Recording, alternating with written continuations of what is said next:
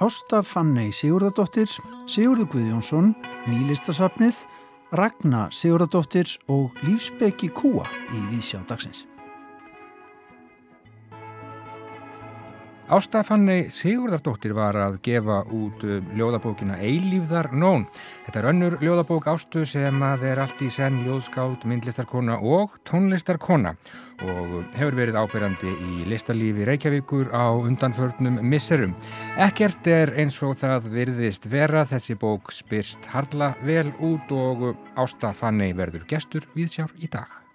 Nýlistasafnið verður heimsótt vestur í Marsjálhúsi en þar er svo kallar ljósabasar starræktur nú á aðvendu. Basarinn er að hluta til fjáröflun fyrir það merkilega starf sem unnið er í Nýlistasafninu. Við ætlum líka að grýpa niður í viðtal frá því á síðasta ári sem tekið var við Sigurd Guðjónsson myndlistarmann í tilefni af því að hann var þá valin myndlistarmadur ásins á Íslandi. En í gær þá var tilkynnt að Sigurdur yrði næsti fulltrúi Íslands á myndlistar tvíæringnum í Feneum árið 2001 við heyrum í Sigurdi í þettinum í dag. Marjana Klara Lútastóttir, bókmynda gaggrinandi rínir í sagnasafnið Vetrar Gullrætur eftir Rögnu Sigurðardóttur í þætti dagsins. Já og meira bókum bókvikunar á ráseitt að þessu sinni er Lífsbeki Kúa eða The Secret Life of Cows eftir hinn að bresku Rosamund Young. Höfundurinn er bóndi sem ákvað eftir að hafa setið með bladamanni og rætt um bústörfin á lífræna bílinu sem hún tók við af foreldrum sínum að tími væri komin til að setjast niður og skrásetja sögurnar af kúnum sem hún rættar. Hlustendur heyra í yngunni Ástísardóttur þýðanda bókarinnar í þættinum í dag. En fyrst tíðindi úr heimi myndlistarinnar. Það var tilkynnt í gæra Sigurður Guðjónsson myndlistamæður verði fulltrúi Íslands á næsta myndlistartvíæring í Feneum árið 2021. Í fyrra var Sigurður valin myndlistamæður Íslands, myndlistamæður ásins á Íslandi í fyrsta sinn sem að þau velun voru veitt. En Þá fórum við í heimsókn, vestur í bæ, á vinnstofans og rættum stuttlega við hann. Við skulum grýpa niður í viðtalið að þessu tilimni. Tæknin er eitthvað, hún hefur alltaf verið svona alveg samgróið mér og ég veit ekki alveg hvaðan það kemur. Kanski bara allalega Já, langt aftur og bak. Ég var í einhverju hljómsveitastúsi í gamla dag og mm. það var alltaf með ramarskítar og magnar og effekt og þetta byrjar eitthvað staðar alltaf. Já, eitthvað svona fyrkt. Já, eitthvað fyrkt og svona fljóðlega eftir ég byrjaði í lista áskólanum þá það var mjög skemmtilegu kennari sem heitir Haraldur Karlsson sem sá um videóvegstaði mikil tæknigrúskari mm. og, og þetta, hann fyrir svona sína mér að það megi ímislegt gera sko. Það þurfi ekki bara að mála og gera skúltúra og svona. Og var þetta eitthvað þá sem þú tengdir hérna á millið mitt með sko ramaskítarinn og F1 ég kannast nú að, svona með þetta veit hvað þú ert að tala um, það er ja, ja, ekki það ég sé gítarleikari, en, en hérna þetta fyrkt svona í strákum og þessum aldri sko var alveg víst að þú færir úr kljómsveitar braskinu yfir í myndlistan? Nei, alls ekki sko, það er alveg hérna Sko planið var nú alltaf að verða bara uh, gítarleikari hljómsveit. Rockstjarnar. Rockstjarnar, flytja til hérna Tampa í Flórida, leiða bílskur og vera bara þar. Já, já. En, en svo hérna byrjaði ég svona, þetta er, það er ótrúlega æsingur svona í kringum músikinn og, og svo fer ég að kynna svona hvar byrjar þetta? Pappi far ekki að sína mér svona eitthvað abstrakt málverk og eitthvað og ég fer svona aðeins að stúdira myndlist kannski 95 og upp úr því þá fer ég myndlaskóla Reykjavíkur eins og flestir. Mm -hmm. og þaðan fer ég til Kaupmannarnar mm. ásand vinnum mínum, Ófeir Sigurssoni, Rítuðan og við keirum þángu og ætlum að vera listmálarar. Ákveðni menn. Ákveðni menn. Og það var alveg planað. Og svo er svona, erum við þar eitthvað eitt og allt árið eitthvað og hann hættir bara að fyrir að skrifa og ég fer heim í í, í listaháskólan og þar fyrir eitthvað nýtt að gerast lögðu ég kemur í listaháskólan og sagði heyr þetta þarf ekki að vera svona, það má gera allt þannig að þar byrjar þetta Síðan þá þá er ekki allt snúið eða? Nei, nei, nú er maður bara í þessu En sko aðeins um þetta með tækninótkunna sko Ég, mér finnst allavega, ég veit ekki, ég þekki nú kannski ekki verkiðin sko út og inn en mér finnst oft svona einhver myrkur undirtótni því sem þú gerir. Já. Er það rétt mat? Það er svona dökkur mynd heimur allavega, skulum við segja. Já, ég held að það sé nú... Er það ofsagt? Nei, nei, það er, það er kannski svona einhver undir alltaf í verkonu sem maður ert að tala um. Eitthvað sem ég bara alltaf heitlast að. Já.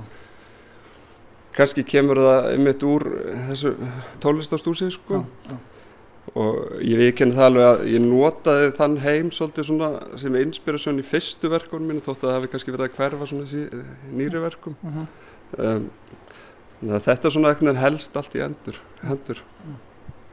Sko þróun í þínum verkum ertu, nefnir, ertu meðvitaður um hvaðan þú hefur farið og hvert þú ert að fara? Er sérðu línu þegar þú horfir yfir þróunarlínu sjálfur? Já, algjörlega. Og, og þótt kannski fyrir verkefni að vera svona meiri frásagnakendari þá eru einstakka ja, element í þeim sem ég er alveg að nýta ennþá. Uh, bæði í hljóði og mynd um, tekðu kannski sníu upp að þú þróaði lengra. Þótt að kannski síðustu ár hef ég kannski verið að inspirast meira af síningastöðum þetta er svona, maður er alltaf fram og tilbaka í tíma og, og hérna maður sækir í bankan mm -hmm. maður sé, þótt þetta náttúrulega maður reyna að vera áfram já, já. það er alveg nummer 1, 2 og 3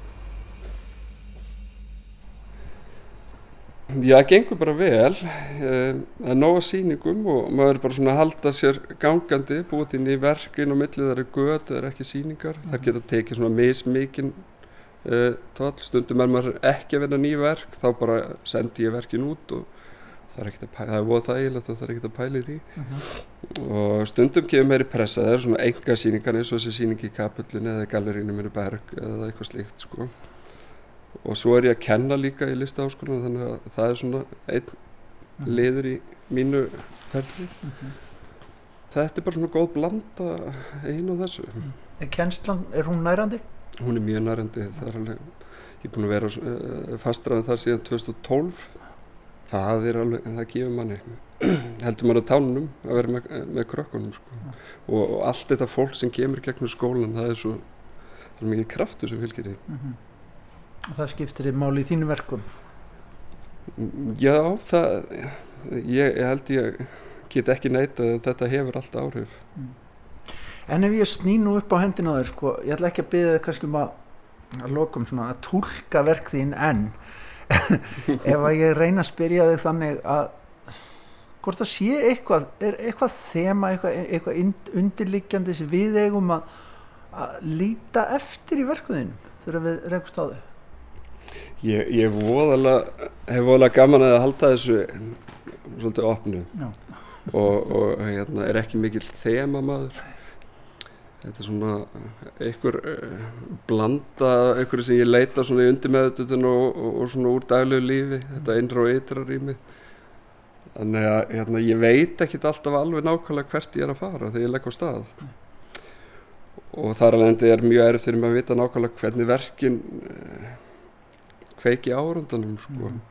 en svona þessi hérna leikur með hljóð og mynd og þessar svona heldar virkni ég held að það sé eitthvað sem ég hef, er mjög stert í mér mm -hmm. núna allan mm -hmm. Sumir er að vinna mikið með líkamann eða mennskuna eða, já, eða, já, já, eða hérna, ástina þessuna það er ekki þannig sem þú ert Nei, ég vinn ekki þannig. Ég, ég, ég tek ekki eitthvað eitt þetta er eitthvað Þetta, þetta eru, eru svona endalösir eh, leirar af að ýmsu. Nánast eins og einhvers konar dagbók sem ég vinn mm -hmm. hverjum degi. Er ég stanslut skrá eitthvað niður bæði mynd og já, ég skrifa hjá mig líka mm -hmm. þetta. Kannski er upplifin þá kannski oft nær því að hlusta tólist eða eitthvað slikt En getur innblástunum komið hvaða sem er þannig að hann getur það algjörlega. Og því að vera að vinna daldi mikið með svona velræna hluti og skoða virkni þeirra eh, síðustu svona kannski já 5-6 ár en þá getur hann algjörlega komið hvaðan sem er.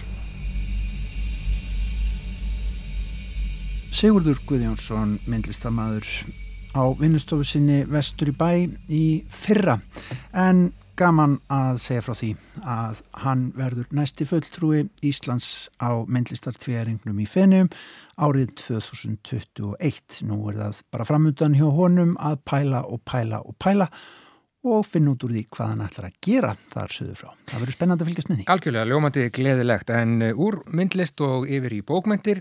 Marjana Klara Lútersdóttir bókmyndar rínir hér hjá okkur í Víðsjá, hún hefur verið að lesa. Bók sem að heitir Vetrar gullrætur og er eftir Rögnu Sigurdardóttur, þetta er sagnasapn og við skulum heyra hvað Marjana hefur um það að segja. Smásagnasapnið Vetrar gullrætur lætur ekki mikið yfir sér en það væri mikill miskilingur að vannmeta þessa lástemdu en mögnuðu og afar vel skrifuðu bók. Tótnin er hælátur en undiraldan gríðarsterk, stundum hættuleg og andrumslofti þrúandi í sögunum sem á yfirborðinu lýsa jafnvel hverstagslegum atbyrðum en rista engu að síðu djúft. Bókin er annað smásagnasapn rítufundarins Rögnu Sigurðardóttur sem síðast gaf frá sér skáldsöguna Vinkonur árið 2016 en hefur áður gefið frá sér bæði skáldsögur og ljóð. Ragna er myndlistarmentuð og þess gætir víða í bókinni, bæði efnislega og í forminu. Flestar sagnana fimm hverfast að einhverju leitið um myndlist og einni er tekstin sjálfur afar myndrætt, litir og form eru afgerandi og hafa djúb áhrif á personurnar. En þótt myndlistin sé vissulega fyrirferðamikil, eru þó önnur þemu ekki síður undirleikjandi en skáka jafnvel í skjóli myndlistarinnar, svo sem þráin eftir frelsi og viðukenningu.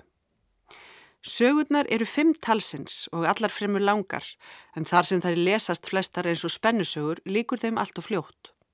Þær eru lagðar í tímaröð, svo fyrsta gerist í nútímanum, önnur árið 1999, þriðja um miðbyggt 20. aldar, fjörða á meðlistriðsárunum og rétt fyrir heimstyrjölduna síðari og svo síðasta, sem sker sig um margt frá hinnum, gerist á átjöndu öld.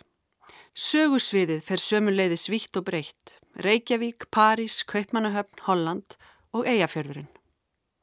Í fyrstu sögunni sem nefnist Ég vil bjarga þér, kynumst við Hildi, Fjóra barna móður sem hefur hafið störf á frístundaheimili. Hildur málar líka en á í vandræðu með að finna rétta litin í myndinni sem hún vinur nú að. Fyrsta vinnudaginn gerist sá atbyrður að lítil stúlka verður hrætt við Hildi og hleypur út úr skólanum og týnist. Atvikið og afleðingar þess slá Hildi ítla og lesandin fylgist fullur óhugnaðar með hvernig fjarar smátt og smátt undan tilveru hennar. Höfundi tekst snildarvel að snúa á væntingar lesandans því óhugnaðurinn sem er allt um kringi í sögunni kemur ekki endilega úr þeirri átt sem við var að búast. Í titilsögunni Vetrargulrótum hittir lesandin fyrir ungt par í Hollandi árið 1991. Joris og Vera eru bæði myndlistamenn. Þau búa saman og stiðja hvort annað en upp á síðkastið hefur Jóris haft áhyggjur af því að vera sér orðin þunglind þar sem ekki gangi nógu vel hjá henni í listinni. Hann hugsur því upp áætlun til að koma fótonum undir hann aftur. Áætlun sem verðist dæmt til að mistakast og hafa alvarlegar afleðingar. Í þriðjusögunni, undirbúningur, hittum við aftur fyrir myndlistamenn, nú í Reykjavík um miðja síðustu öld. Hjónin Finnur og Ásta voru eitt sinn jafningar bæði við nám í París. En skyndilega, án þess að hún tæki eftir því gerast, er hún orðin heimavinnandi húsmóður sem saumar til að draga björg í bú og hennar helsta framlag til listheimsins er að undirbúa veistlur eftir opnanir hjá einmanni sínum. Atvik verður til þess að augu hennar opnast fyrir stöðusunni en spurningin er hverju sá sannleikur breytir. Sögurnar eru ekki fyrirsjáanlegar þótt myndlistinn og staða konunar innan hennar sé miðlæg í öllum sögunum nema þeirri síðustu.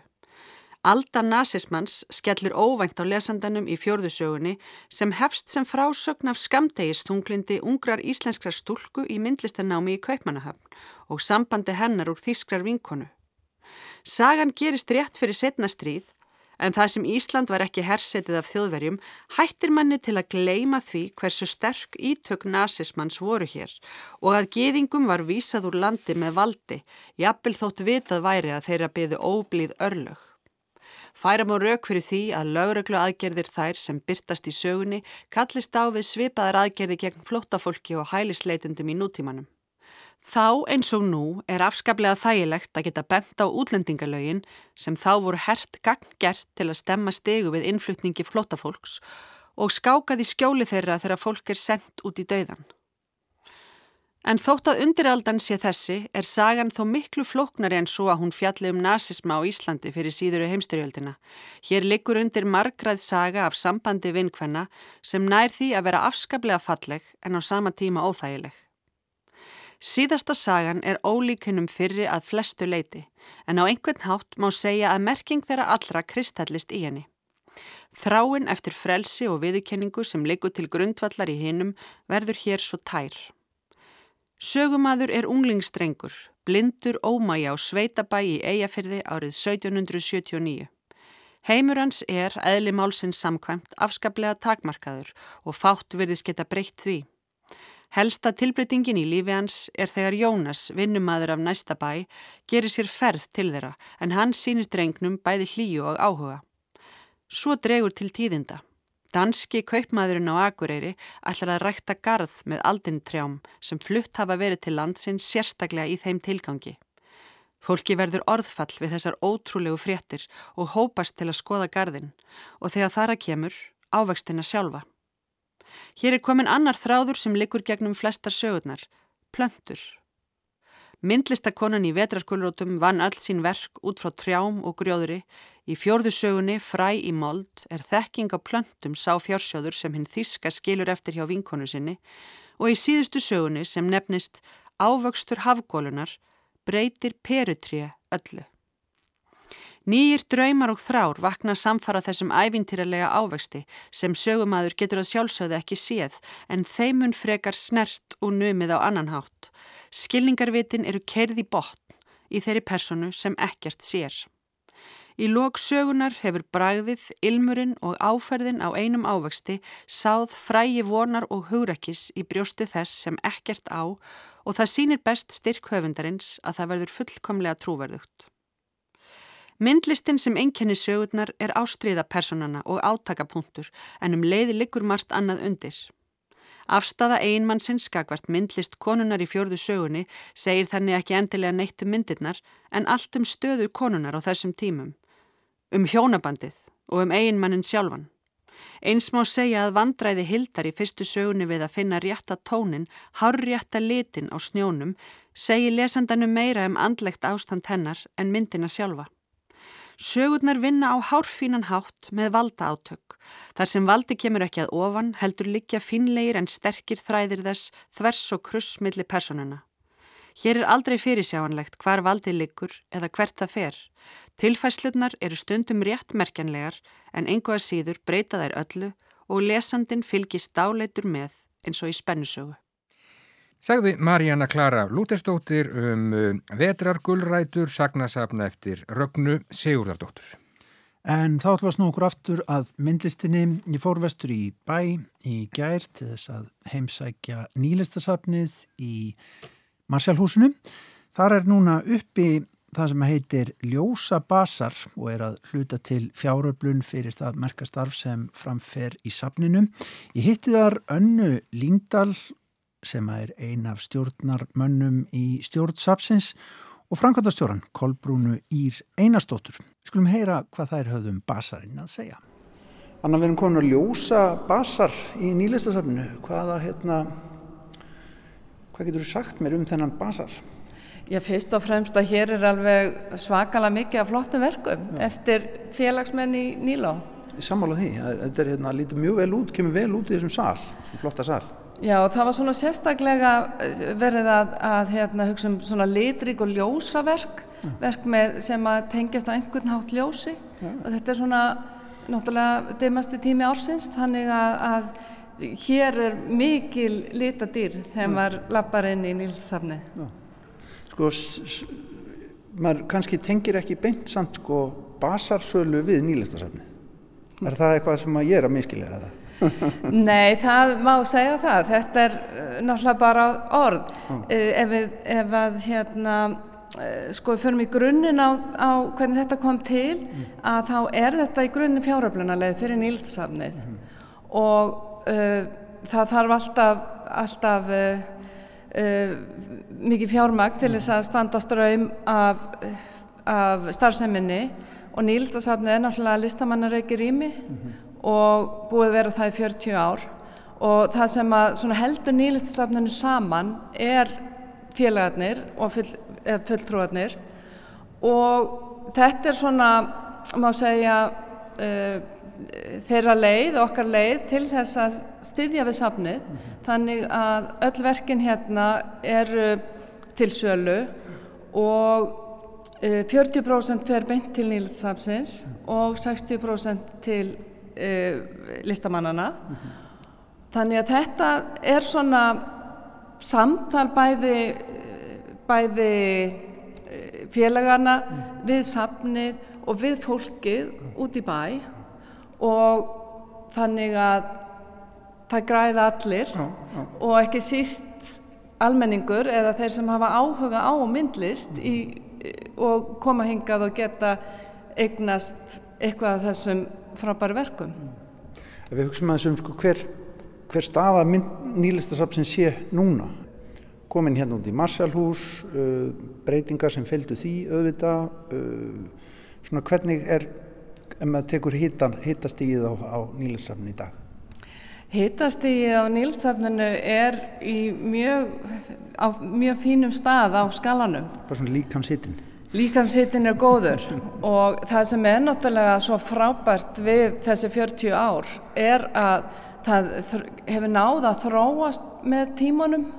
Það eiga all, allir sín tímabil í Níló og eru svona misaktífir en þetta, þetta er það samfélag sem að margir myndlistamenn sækja styrksinn í og það er, raunveruleikin er svolítið sá að ef að við værum ekki með listamannreikin rými á Íslandi að þá væri voða daburt af síningum hér.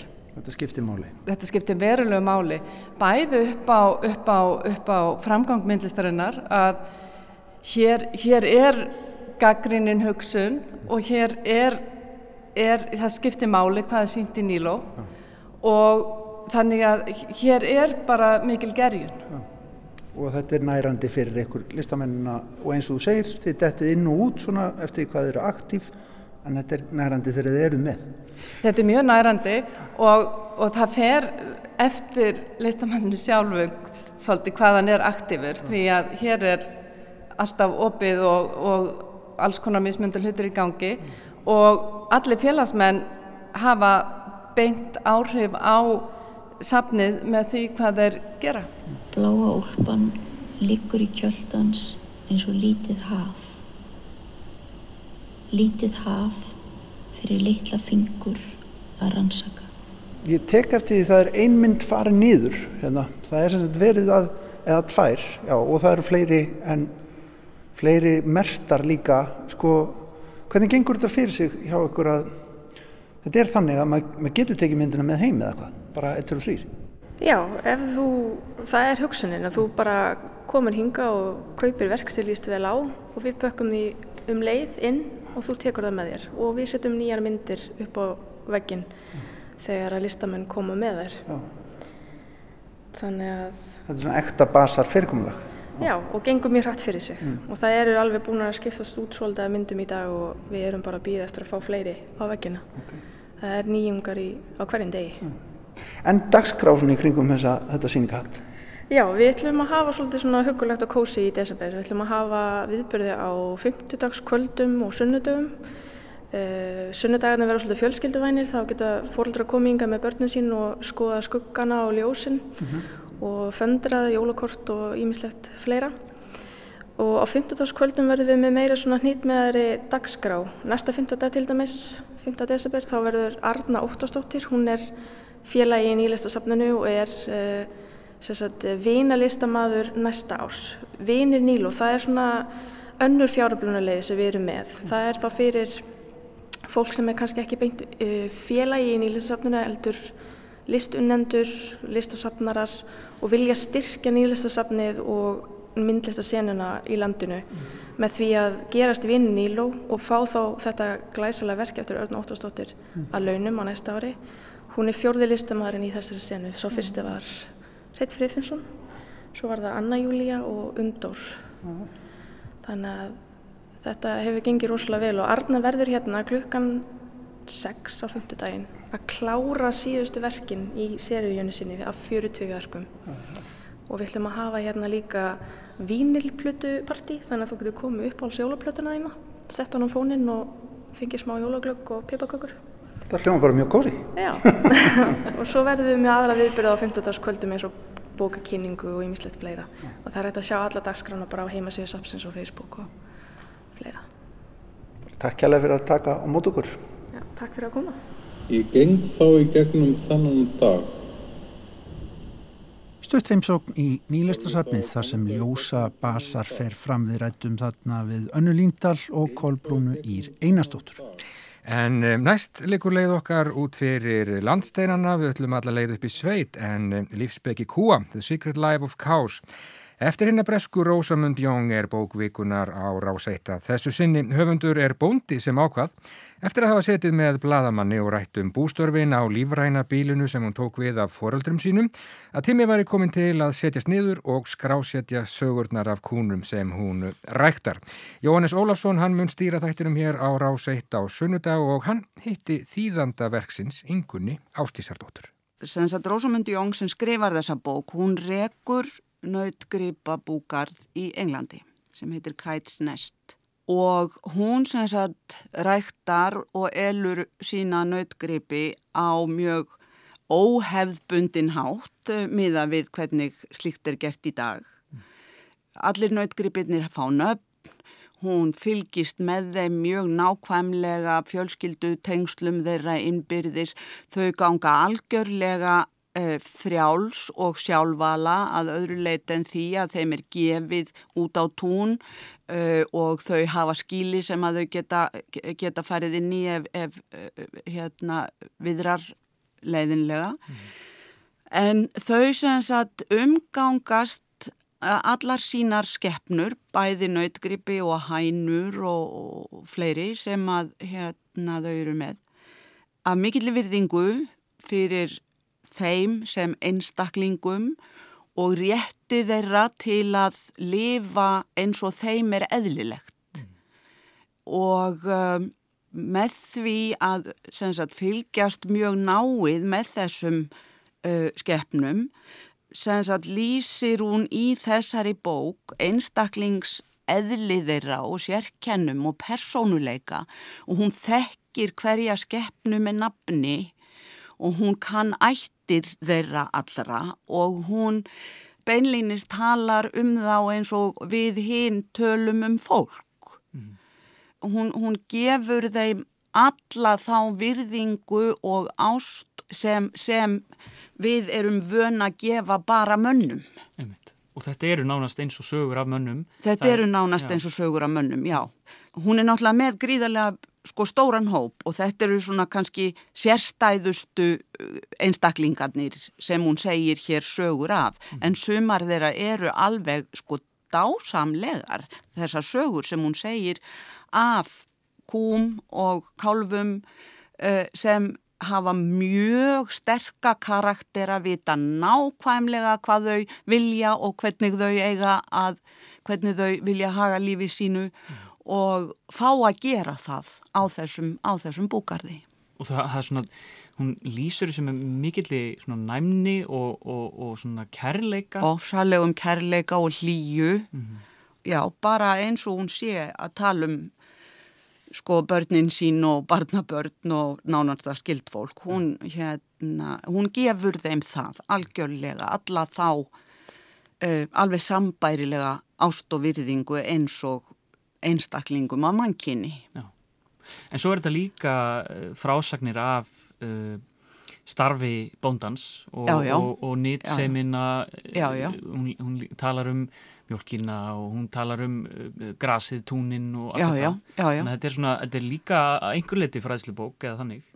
Já, já, hún fer út í sko, hvernig, hvernig jarðvegur er og, og, og hvernig sagt, uh, hvers konar plöntur og gras nýtast best fyrir kýtnar og, og, og kálvana. Hvers, hvers konar texti er þetta? Hvernig var að þýða þetta? Þetta er mjög bara einfaldur teksti. Og hjartbundin. Já og bara á einfaldu skýru máli. Mm -hmm. Það er engar krúsidúlur eða skrautkvörf. Mm -hmm. Þannig bara bein frásögn af þessari kú og kálvinum hennar og svo annari og þessum tarfi og, mm -hmm. og þessum hænum og svona í rauninni bara á mjög einföldu máli. Það, það þýðir samt ekki að það sé endilega einfalt að þýða það. Nei. Einfaldur stíl á einu máli uh, getur verið til þess að gera einfaldan stíl á öðru máli þarf maður kannski að nota einhvern veginn aðrar leiðir mm -hmm. í notkun tungumálsins. Uh, þú þekkir þetta tungutak úr, úr sveitinni? Já, já, ég er, ég er alveg upp í sveit og, og, og það kom mér ofta að, að gagni í, í, í tengslum við þessa bók að, að uh, svona þekka ákveðið orðfæri í sambandi við búskap. Já. En það er kannski þessi einfaldi, einfaldi beinskipti stíl sem gerir hana einmitt svona einlaga.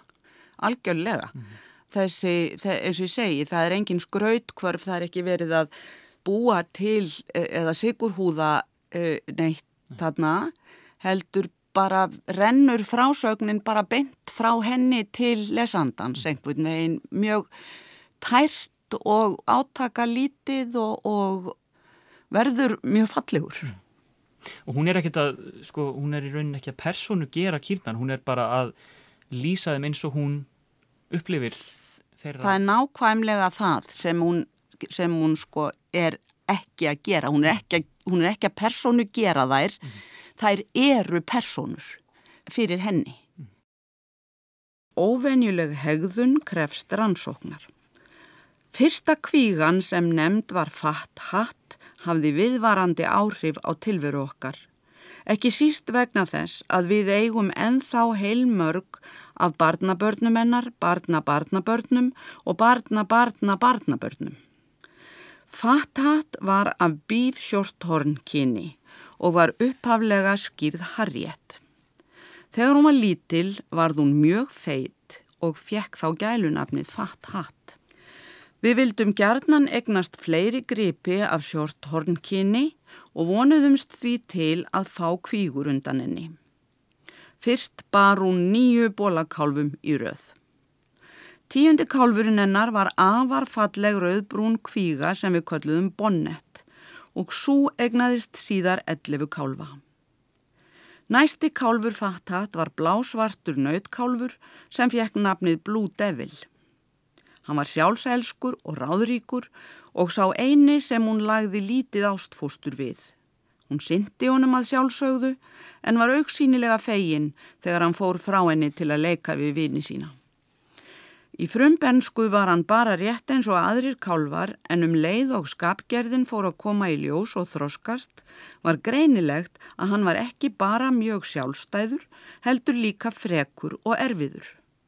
Fyrstu nýju nautkálvarnir hennar sem allir höfðu verið rauðir að lit og ljúfir við hana en ekki við okkur, höfðu allir verið nefndir Ronni. Tólti kálfurinn hennar var önnur rauðbrún kvíga sem hétt Gula Berett og síðasti kálfurinn hennar var svo enn einn kvíga sem fekk nafnið Fathat Yngri. Fathat var merkileg kýr að mörguleiti. Henni líkaði snögtum skár við karla en konur en var lít um mannfólkið gefið yfir leitt. Hún þurfti aldrei nýja bað um aðstóð við eitt eða neitt. Kvorki við að bera eða fá aukaskamta fóðri. Henni varð aldrei mistægurt. Í sannleika sagt þurfti hún aldrei á okkur að halda fyrir hún var komin á 20. vetur. Einn heitan sumardag kom ég að henni heima á hlaði þó að öll hjörðin væri á beit langt í burtu frá bænum. Óvenjulega hegðun verður að rannsaka og þegar ég nálgæðist hana sá ég að hún var með alla fjóra fætur flækta í girðingarvýr. Mín fyrsta hugsun var að það yrði erfitt að hemja hana, jafnvel þó að ég hefði fleira fólk mér til aðstóðar og að hún myndi líklega brjótast um og herða výrin enn meir að fótum sér. Ég var ein míns liðs heima við og engin væntanlegur heim strax, en hún virtist vera að byggja mig um að koma og hjálpa sér. Þetta var í al fyrsta skipti sem hún hafði einhverja þörf fyrir hjálp okkar mannana. Ég begði mig niður, talaði við hana eins traustvekjandi og mér var und og tók um výrin. Hún stóð grafkyrr. Ég byrjaði að losa um výrin. Við því búin að hún geti sparkað á hverju stundu. En það var eins og hún vissi að mér gæti því aðeins tekist þetta erfiða verk að hún væri fullkomlega samvinnu þýð. Hún stóð graf kyrr á meðan ég begði og sveigði výrin til að losa hann. Öðru kvoru varði ég að fá hana til að lifta fæti til að ná výrnum og þetta tók heilangan tíma en loksins hafðist það og hún var laus við allan výrin. Áður en hún lagði af stað út í hagan aftur, sneri hún sér við og horði til mín. Mér finnst skemmtilegt að ímynda mér að þá hafi hún með semingi verið að viðurkenna að mannskeppnan gæti stökusinnum komið að gagni. Ingun Ástísardóttir las hér úr bókinni Lífsbeggi kúa eftir Rosamund Young sem er bókvikunar á ráseitt þessa vikuna. Gestir í þættinum á sunnudag þar sem bókin verður rætt verða þau Harpa Rún Kristjánsdóttir, bókmyndafræðingur og bóndi og Jón Ásker Kalmansson, heimsbyggingur. En þá á getur hlustendur ný ljóðlist hér í Víðsjá á miðugudegi. Við öndum öll hægt í takt við takkana.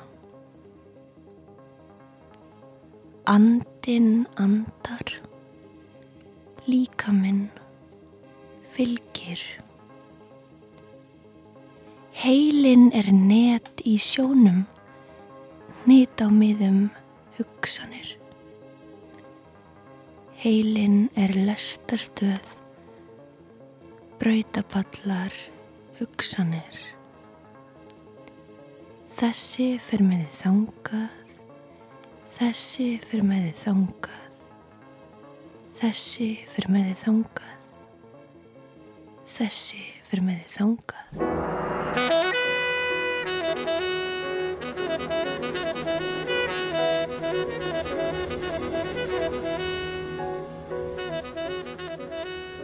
Hún heitir Ásta Fanney Sigurðardóttir, fætt árið 1987.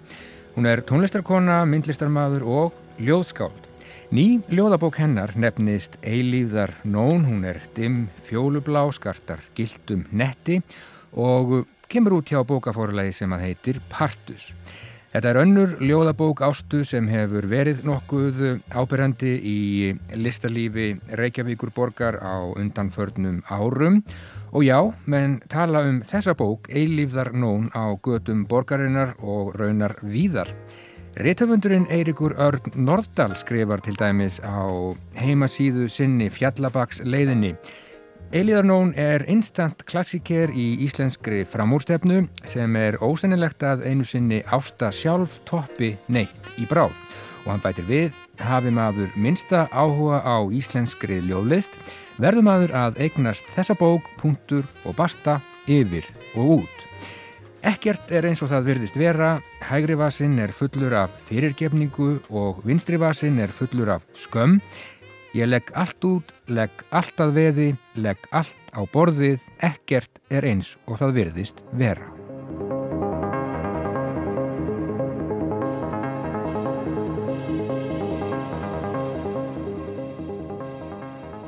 Velkomin í Víðsjá Ásta Fanney Sigurðardóttir uh, og til hamingi með uh, þessa dimmfjólu bláu bók sem að heitir Eiliðar Nón.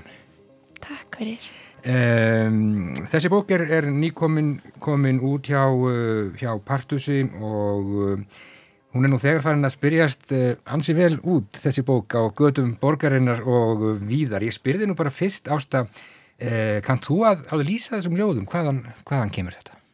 Þetta er erfið spurning, nummer eitt. Þetta er svolítið erfið spurningi. Ég held að, já, hvaðan þið koma? Já. Þið koma svona frá einhverjum stað sem að er svipaður uh, tímanum millir söps og vöku. Já. Já, þetta er svona Það sem ekkert er eins og það verðist vera. Já, mm -hmm. þetta er svona óræður staður já. þar sem að uh, þú ert, uh, já, þú ert svona milli heima. Já, hvorki vakandi niður svofandi. Já, já, eða bæði, sko. Mm. Nákvæmlega. Svona mest vakandi og mest svofandi. Já. Þetta er svona, já, þetta er bá, einhver svona samblanda af uh, mjög ólíkum pólum. Já, surrealistar forðum dag að þeir sóttu í þetta óljósa ástandi og draumaðu þetta líka en, en líka þetta svona, já, þar sem að, um, já, kannski maður hefur beinan aðgangað að undir meðvitundinni, ertu surrealisti? Ætli það ekki. Ætli það ekki bara freka margt. Já. Og freka fátt líka mm -hmm. í einu. Mm -hmm. Ég hef ekkert bælt mikið í því að vera skilgreina. En það er sjálfur sér engin ástæða til þess? Nei, um veit. Það sé bara óhald kannski. Já. Sko þú uh, byrjar það ekki þinn feril svona í, í svona ljóðagjörningum er það ekki? Já, eða svona já, sko ljóðin fara þangað já. ekki þannig að ég byrja sem performer heldur bara komu ljóðin einhvern veginn á, á bladið og vildu vera lesin upp þannig að það það var bara svo náttúrulega leið fyrir já. þau vera til mm -hmm.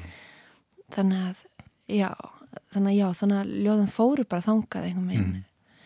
Og þetta er einhver form sem að, sem að heitlar þig, þessi performance? Já, í rauninni fyrst mér það ekki vera samt form og ég, þú veist, kannski lít ekki á sjálf mig sem performer, þó sem ég sé það, mm -hmm. þú mhm. veist, en kannski mitt út í því að maður er svo margt, maður er alls konar alls konar Já. en svona líka sem, sem, sem sko bara ljóðskalda þá fannst mér svo mikið sko þá það er svo mikil orka í því þegar orð eru sögð upp átt það er svo magnað fyrirbæri mm -hmm. og það gerist eitthvað þegar þú lest upp ljóð eða segir orð og einhver er að hlusta þetta er, þetta er svona þetta er svo mikið moment, þetta er svo mhm. mikið augnablík sem að er hérna kjarni þess að vera til á einhvern nátt, finnst mér. Já, mjög vel, vel orðað. Uh, sko, já, maður er alls konar og þú ert sannarlega alls konar uh, ástað. Þú ert ekki bara ljóðskáld, heldur ertu líka myndlistarkona og uh, tónlistar kona, þú hérna mæðist í, í mörgu og hefur verið ábyrjandi hér í listalífinu í Reykjavík á undanförnum árum. Er það að fást við svona ólíkar greinar er það Er það, svona, er það nærandi, er, er það gott fyrir ljóðskaldið að, að semja tónlist og, og, og gott fyrir, fyrir tónlistarkonuna að erkja ljóð? Já, ég, þetta er svona eins og kannski eins og máltíð að hérna eitt er, þú veist, grannmyndi og svo er prótín mm -hmm. og svo er kolvi, ég var að læra um daginn sko, hvernig þetta, maður verður alltaf að taka allt svona jamt og mér finnst það að vera eins og með tónlist og ljóð og, og myndlist en sko ljóð eru í svo mörgu þú veist, mm. ljóð eru í tónlist Já. og myndlist er bara dulbúið ljóð Já. á einhvern hátt mm -hmm. en að eh, myndað eða afmyndað ljóð en að, já, eiginlega. Já, og ert að vinna í þessum ólíku listformum bara jöfnum höndum eða, eða tekur þú rispur í, í? Já, það já, fer eiginlega eftir. Í rauninni, já, kannski Já, í rauninni hérna fer kannski bara allur dagurinn í allt þetta að því að ég kann ekki alveg að hætta. Mm -hmm. ég kannski hérna vinn stundum bara yfir mig og geri þannig að allt er einhvern veginn í 100% um sko Já, Þrjú, bara 300% Já. hérna vinna mm -hmm. en sem er mjög skemmtilegt og það er mjög nærandi fyrir mig og ef ég væri ekki í þessu öllu og væri ekki á fullu þá myndi ég kannski bara hérna, ekki virka og springa, ég veit ekki. Nákvæmlega.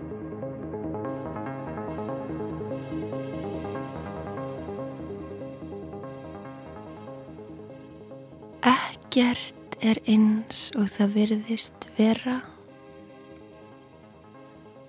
Allt er alls konar. Kaffibolli er draumur, þörnað hrísgrjón, draumur, Ringtorg, draumur, farsími, draumur, draumur, draumur, svaðilfur, draumur, uglasatt á kvisti, draumur,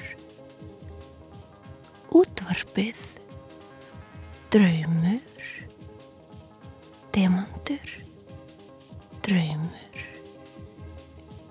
rifrildi,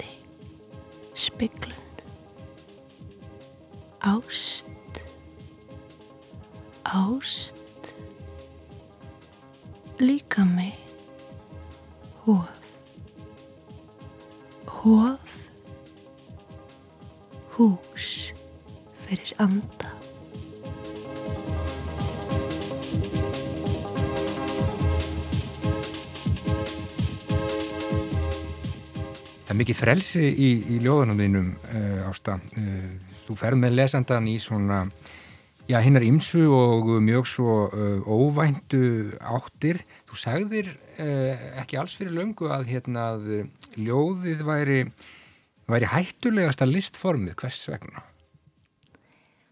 Það er svo nakið mm -hmm. og það er svo, það er svo ótrúlega stert og svo ótrúlega viðkvæmt á sama tíma og þegar maður setur eitthvað út sem eru bara orð á bladi þú, þú getur ekki falið neitt Nei.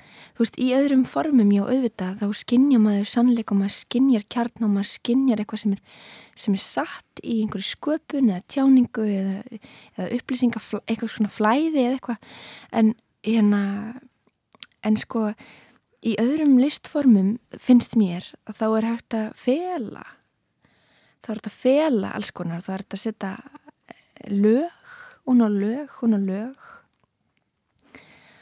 En í ljóðum að þá er það bara eitt hægt. Þú, þú getur ekki falið neitt. Þú ert bara þú ert bara nakin með orðanuðinum og það er mjög hættulegt að því að, já, mér finnst það mjög hættulegt sko, það er svona það er mjög, hérna svona vand með farið að dansa á sér línu þannig að þau virki þannig að þau séu í fullkomnu jafnvægi við um, skáldið, uh, við samtíman, við uh, umhverfið og samengið. Mm -hmm. Já, já. Nákvæmlega. Þetta er stór hættulegt. Þetta er stór hættulegt. og kannski hættulegt líka að lesa ljóð, ég veit það ekki. Gæti verið, já. en það er líka hættulegt að vera hérna til, svona alveg til. Skilðið þig. 100%, 100%, 100% já, nákvæmlega. Sko, uh, Ég vitnaði hér áðan í hann Eirík Örn Norðdal, rítöfund sem að skrifar á sína heimasíðu að eh, þessi bók þín Eiliður Nón, hún sé instant klassiker í íslenskri framúrstefnu og um, hafi maður minnsta áhuga á íslenskri ljóðlist þá verður maður bókstarlega að eignast þessa bók, punktur og basta yfir og út, skrifar Eiríkur, hvernig er að heyra þetta? Uh, Gott. Já, já, ég er ráðuna sko held ég. Uh, gera það ekki oft. En já, það er mjög gott. Líka því að ég held svolítið að ég erði gerð útlæg eftir þessu útgafu að því að ég leifi mér allt saman. Já, já þú eru óttast það bara hérna hriðfalla Já, kannski en var, ég varði líka að gera þetta sko, setja þessi bók út að því að hún hérna leifi sér að að vera til á alls konar hátt Já. og mér finnst líka ljóð mig að vera alls konar og hérna það þarf svona meira frelsi það er svo, er svo gott að hafa alls konar í gangi mm. og að fólk sko hérna leifi sér að fara út fyrir eh, einhvers konar ramma Já.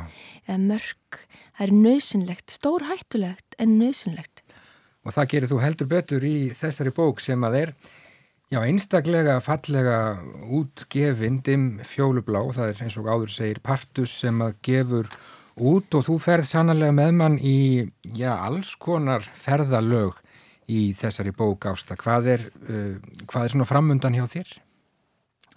Já, það eru uh, einhver ferðalög. Mm. Já, það sem er á dagskrá.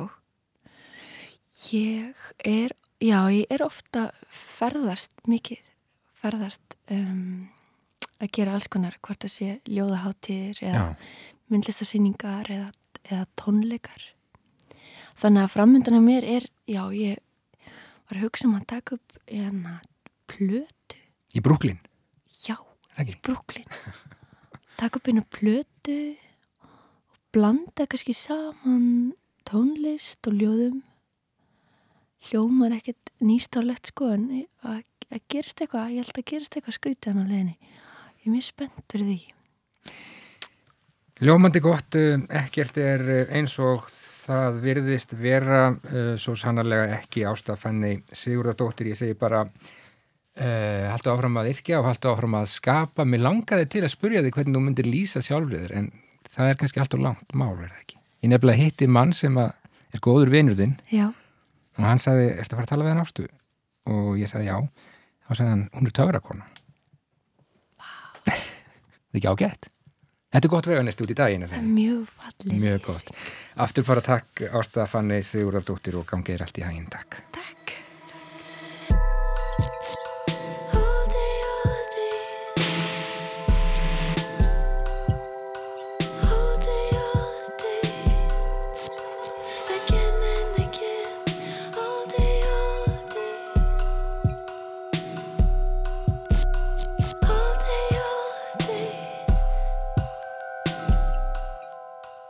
Já, fáinnir tónar frá hljómsveitinni Æja, eða Æju, þar sem Ástafanni Sigurðardóttir er innan borðs, Sparkul heitir þetta. Nöðsynlegt að fara út fyrir ramman, sagði Ástafanni meðal annars stór hættulegt en nöðsynlegt. Nýbók hennar, ljóðabók, eilífðar, nón og já, þar fer hún svo sannarlega út fyrir ramman, ég held að það sé algjörlega óhægt að segja það, það er vel. En svo náttúrulega að ljúka við sjá dagsins ágættur hlustendur. Við verðum hér aftur á morgun og ætlum þá að heðra mann sem að, já, skiptir okkur tvo allavega miklu máli. Já, verður 70 á laugardag. Hann heiti Tom Waits. Takk fyrir í dag. Verðið sæl. Verðið sæl.